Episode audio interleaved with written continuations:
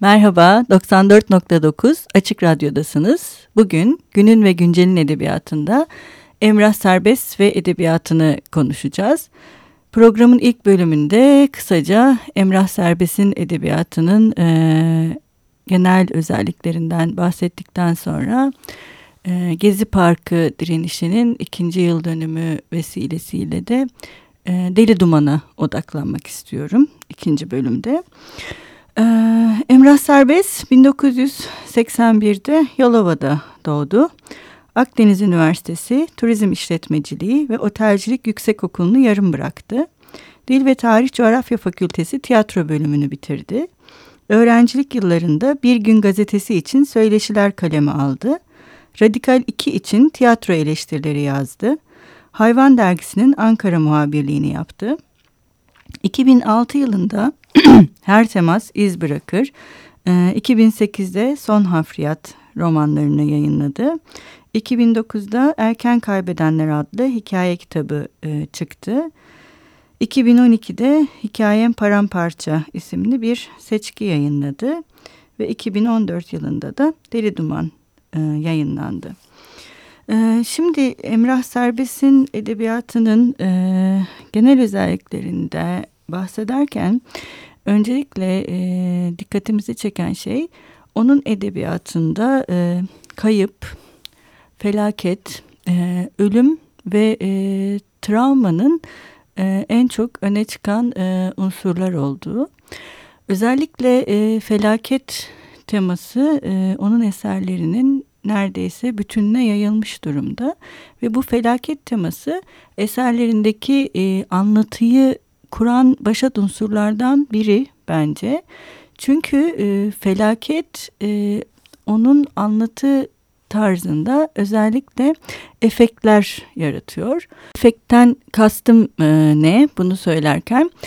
Şöyle ki erken kaybedenlerde ki neredeyse bütün hikayelerde biz e, hikayelerin başında aslında kahramanımızın bir çocuk ya da ergen bir erkek olduğunu bilmiyoruz ve bir süre sonra aslında e, bunun e, çocuk ya da ergen olduğunu öğreniyoruz ve bunu öğrendiğimiz andan itibaren de e, o zamana kadar bize anlatılan hikaye üzerine düşünmeye başlıyoruz. Fakat tam da bunu bizim öğrendiğimiz an ana ben efekt anı e, demeyi tercih ediyorum. Çünkü o noktadan itibaren e, okur olarak bizim de anlatı karşısındaki e, konumumuz değişiyor.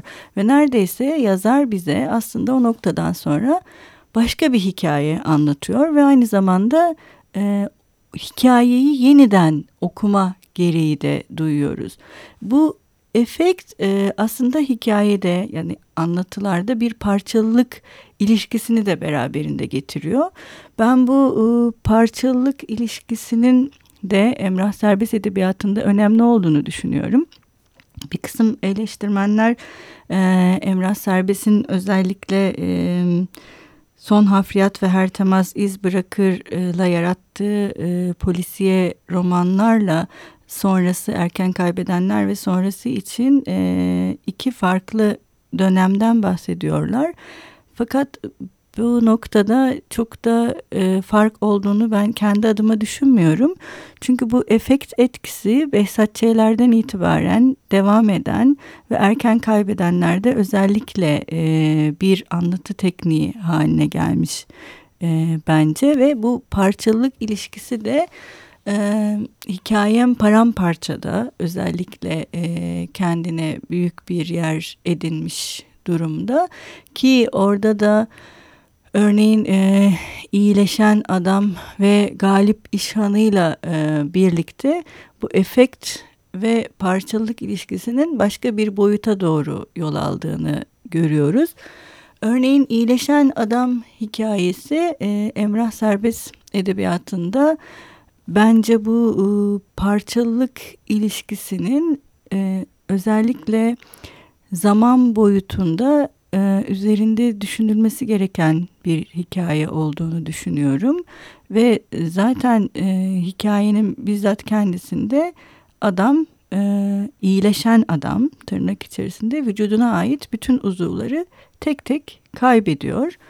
E, ve yine e, bu hikayem paramparça kitabında yer alan Galip İşan'ı hikayesi de yazarın bu efekt e, ve parçalılık ilişkisinde e, kurguyu oluştururken e, kurguyu oluştururken kendisine açmak istediği bir yol olarak ortaya çıkıyor. Bu nasıl ortaya çıkıyor? Örneğin Galip İşan'ında e, yazarın, kahramanının ve anlatının kendisinin e, bizzat e, hikayenin içine girdiğini görüyoruz. Tabii bu parçalılık ve efekt ilişkisi e, zamanla ilişkiyi de beraberinde getiriyor. Çünkü biz aslında her ne kadar bize e, geniş bir e, zaman diliminden bahsedildiğini düşünsek de aslında yine Emrah Serbest Edebiyatı'nın bence en tipik özelliklerinden birisinin e, şimdiki zaman üzerine odaklanması. Bu şimdiki zaman üzerine odaklanırken de yine bu parçalılık ilişkisi önemli ama orada bizzat artık dilin kendisi de işin içine giriyor. Şimdi bunu yapmanın birçok yolu var şimdiye odaklanmanın. Fakat bu Emrah Serbest'te e, mizahla e, daha çok ortaya çıkıyor ve e, ve bu e, mizahın e, özellikle karakterlerin kendi hayatlarına dair söylemlerinde ya da e, karakterlerin dışında bizim yazarın sesini duyduğumuz yerlerde anlatıda bizzat yazarın kendisinin e, o güne aslında hayata dairmiş gibi konuşup o güne dair e, söylediklerinde e, bol miktarda ortaya çıktığını görüyoruz. Bu sebeple şimdiye odaklanırken e, çocuk ve ergen karakterleri kullanmasının da önemli olduğunu düşünüyorum. Ben ki e, yani Behzat Ç. de aslında bir ergen bir erkek karakteri sadece yaşla ilgili bir şey değil ergen olmak bildiğimiz gibi. Şimdi çocuk karakterler ya da ergen karakterleri düşündüğümüzde tabii ki ilk aklımıza gelen şey örneğin çocuklarda hiç ara tonların olmaması. Çocuklar oldukça rasyoneldirler ve onlar için sadece doğrular, yanlışlar ya da siyah ve beyazlar vardır. Ergenlerde ise artık bu durumun e, giderek taştığını ve daha abartılı bir boyuta geçtiğini görürüz. İşte tam da bu e, abartılı e, boyutta Emrah Serbest'in şimdiki zamanı yaratırken e, kullandığı ergen dilinin e, önemli olduğunu düşünüyorum ben. Çünkü burada konuşan ergenler e, bize aslında e, tam da içinde yaşamakta olduğumuz dünyadan ve neredeyse bir manifesto gibi sesleniyorlar. Ve orada sadece e, hayata dair bir bilgelik yok. Aynı zamanda yazarın bizzat anlatıda kurduğu bu efekt ya da e, bir nevi şok etkisi diyebileceğim e, anlatı tarzıyla bilinen ve e, görünenin aslında tam da bizim bildiğimiz ve de görmediğimiz gibi olabileceğine dair de e, şüpheler uyandırmaya çalışıyor. Ve bu noktada e, tam da bu e, Bunda biraz tabii polisiye yazmasının da etkisi var bu efekt ve şok etkisinde. Çünkü polisiyenin de en temel özelliklerinden birisi sürekli olarak okurun dikkatini katil olabilecek kişiden e, farklı bir yöne kanalize etmektir. E, aslında Emrah Serbest de bu efekt dediğim şeyle tam da bizi e, hikayenin aslında okumakta olduğumuz kısmından çekerek başka bir e, yöne doğru e, yönlendiriyor. E, bunu yaparken kullandığı şeylerden birisi de diyaloglar. E, bol miktarda diyalogla e, ve e, bu şekilde ergen diliyle ya da çocuk diliyle kurulan bir üslupla anlatı tar tarzı bu efektlerle e, birleşmeyi sağlıyor ve bu da yazarın akıcı bir e, üslup e, yaratmasında oldukça etkili e, bence.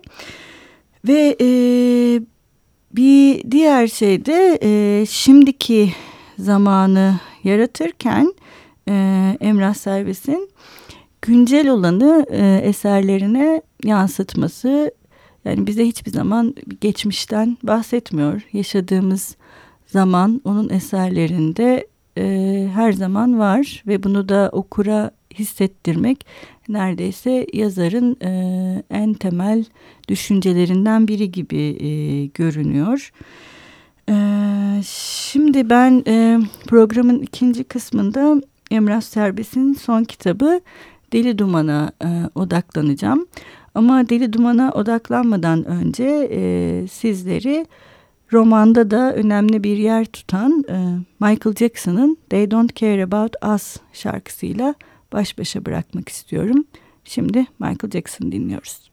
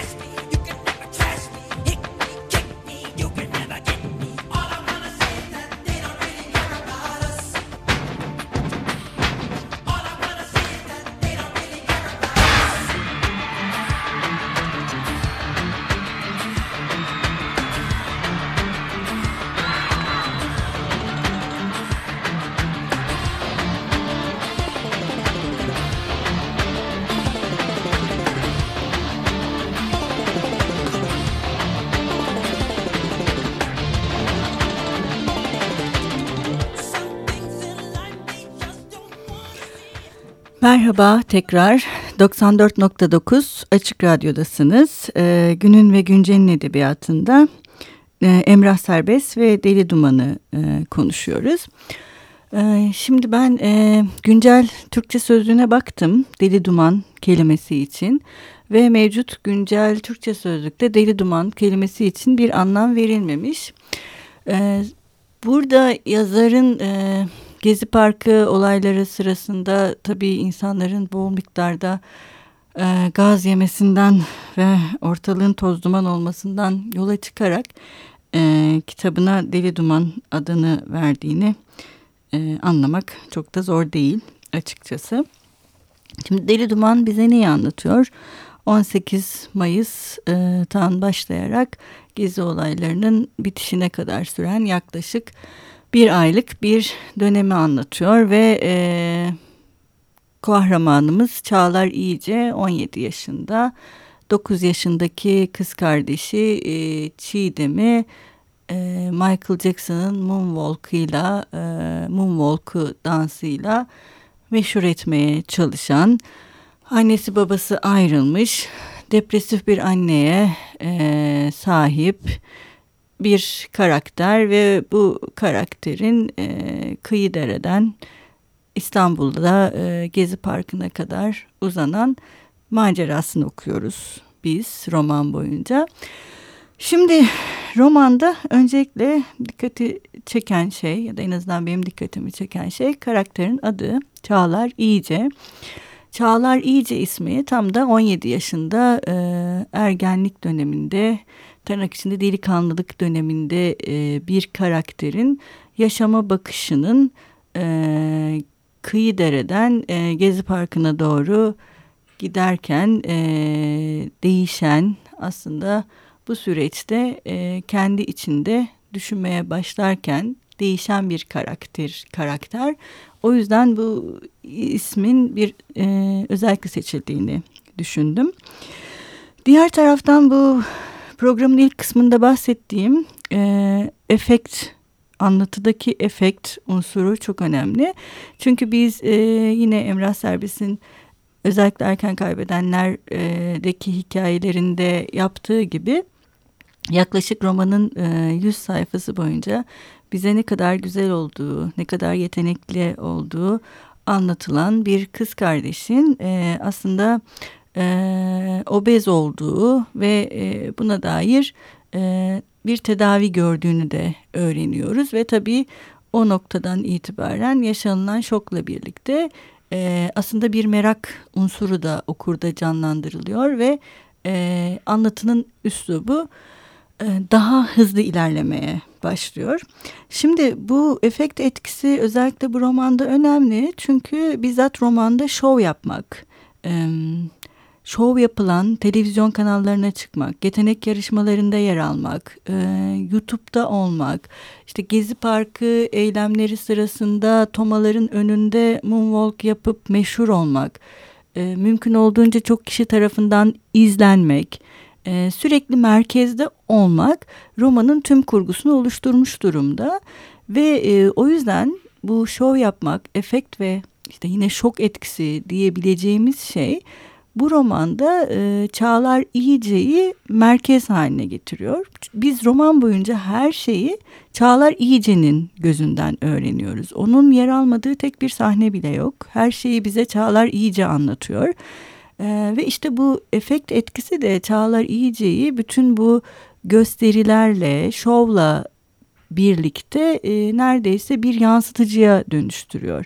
Ve biz her şeyi Çağlar İyice'nin bize anlattığı şekilde anlatırken neredeyse romanda bir merkez gibi duran bu karakterden ve onun gözünden her tarafa yayılan bir nevi anlatılar görüyor gibiyiz. Netekim hikaye içinde işte Özer abinin anlatıldığı bir hikaye var. İşte Mikrop e, Cengiz'in babasının anlattığı Mikrop Cengiz'in hikayesi var. Araya sıkıştırılmış küçük küçük hikayelerle ve bir şov etkisiyle Çağlar iyice her şeyi kendi gözünden bize anlatıyor ve bir yansıtıcı gibi hareket ediyor. Ve e, bu da e, şey gibi hani neredeyse e, zikzaklar çizer gibi bir e, hale dönüştürüyor onun anlatısını. Ee, yine e, bu noktada tüm anlatının işte bu ben karakter e, Çağlar iyice üzerinden dağılmasıyla beraber e, başka başka karakterlerin de hayatlarına kısa bir süreliğine odaklanıp sonra hemen geri çekiliyoruz. Bu da yine karakterin bize e, görmemizi istediği kadar e, her şeyi e, göstermesine sebep oluyor.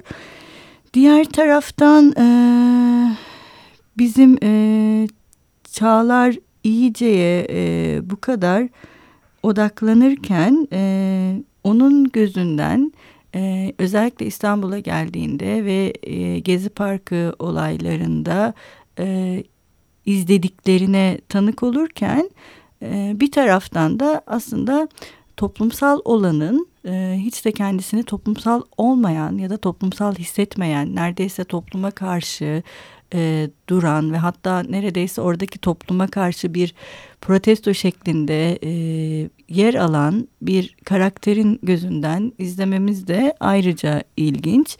Çünkü kendisi Gezi Park olayları içerisinde olmaktan ziyade kardeşini e, ve en iyi arkadaşını bulmak için orada. Ve e, bir taraftan bütün bunları yaşarken biz Çağlar İyice'nin e, babası ile ilgili e, uzun zamandır babasını görmediği ve ona dair e, yaşadıkları, düşündükleri ilgili de e, hatta babasının eksikliğinden dolayı yaşadığı bir e, travmayı da aslında tam da neredeyse romanın son sahnelerine doğru öğreniyoruz. Yine romanda benim dikkatimi çeken şeylerden birisi roman boyunca e, işte Çağlar İyice'nin gözünün e, bir takım hayvanlara takılması ve bu hayvanların ya ölümle baş başa olması ya da yani ölmesi. Örneğin ilk önce e, bir kedinin öldürdüğü kedinin öldürdüğü fareyi, ondan önce ölen bir güvercini ve romanın son sahnesinde de ölen bir martıyı görüyor. Ee, ve bunlarla e, sanırım yapmaya çalıştığı yazarın e, bizzat aslında insanlığa dair olan bu e, sert ve acımasız durumu göstermek e, zaten romanın sonlarına doğru e, bu Martı ve özellikle Çağlar İyice'nin uçma düşüncesi e, de e, zaten daha önceki eserlerinde bize hissettirilmiş durumda. Tabii Emrah Serbest ve Deli Duman üzerine konuşulabilecek çok şey var. Ama e, bugün bize ayrılan süre bitmiş durumda. Ve biz yine e, son sözü e, yazarına bırakıyoruz. Ve Emrah Serbest'in Deli Duman'dan bizim için okuduğu bir bölümle sizlere veda ediyoruz. Hoşçakalın, görüşmek üzere. Eski kız arkadaşıma telefon etmeye karar verdim. Dedim ki nasılsa o telefonu edeceksin oğlum. Kafayı çekip çekip maymuna döndükten sonra telefon etmek var. Bir de 8-9 bira içip efendi gibi aramak var. Seçim senin. Nasılsa açmayacaktı. Beş sefer çaldırır kapatırım diyordum. Sonsuza kadar kapatırım o telefonu. Sonra da önümdeki günlere bakarım. Her biri bir yıl uzunluğundaki günlere. Beklediğim gibi olmadı. İkinci çalışında açtı telefonu. Bir şey diyemedim. Beklemiyordum çünkü. Hiç beklemiyordum. Çağlar, evet. Niye susuyorsun? Ne oldu? Yok bir şey. Neredesin? Dozerdeyim. Ne? İnanmıyorum. Şimdi televizyonda gördüm. Sana da benzetmiştim ama yok demiştim. Yapmaz demiştim. Babasıyla kavgalıydı. Gitmez demiştim. Gitmez demiştim. İnanmıyorum Çağlar. Dikkat et kendine lütfen. Anlamadım. Beşiktaş'ta değil misin sen? Hayır ne oldu ki? Beşiktaş'ta dozer kaçırmışlar. Tomaları kovalıyorlar. Başbakanlık ofisine doğru. Canlı yayında gösterdiler şimdi. Çocuğun biri aynı sana benziyordu. Aynı sen. Dozenin yanına çıkmış çocuk aynı sendi Çağlar. Lütfen doğruyu söyle bana. Ben orada değilim. Eski Şefika sokaktaki dozerdeyim. Sustuk. Eski kız arkadaşımın telefonu açtığına pişman olmasının sessizliğini dinledim biraz. Niçin aramıştın diye sordu. Bilmiyorum. Söyleyeceğim her şeyi unuttum şimdi. Boş ver. Zor günlerdeyiz. Büyük günler. Küçük bir meseleydi zaten benimki. Çok küçük bir meseleydi. Boş ver. Biraz bekledim, sonra da kapattım telefonu. Düşüncelerimi toparlamak için yürüyüşe çıksam dünya turu atmam gerekirdi. Oturdum dozerin üstünde, bir bira daha açtım. Siyah poşetimde 3 biram vardı. Gömlek cebimde elektronik sigaram vardı. Pantolon cebinde yedek tütünüm vardı. Kaybettiğim en iyi arkadaşım vardı. Hemen hemen her şeyim vardı. Dışarıdan bir uğultu geliyordu. Evet, yağmurdu bu. Gitgide hızlanıyordu. Oturmaya devam ettim orada. Hızlanan yağmurun sesini dinledim. Yavaşlayan yağmurun sesini dinledim. Yağmur tamamen dinince de sessizliğini dinledim. Başımı kaldırıp tepemdeki karanlığa baktım sonra. Elimi öptüm. Gözlerimi kapattım. Bir daha öptüm.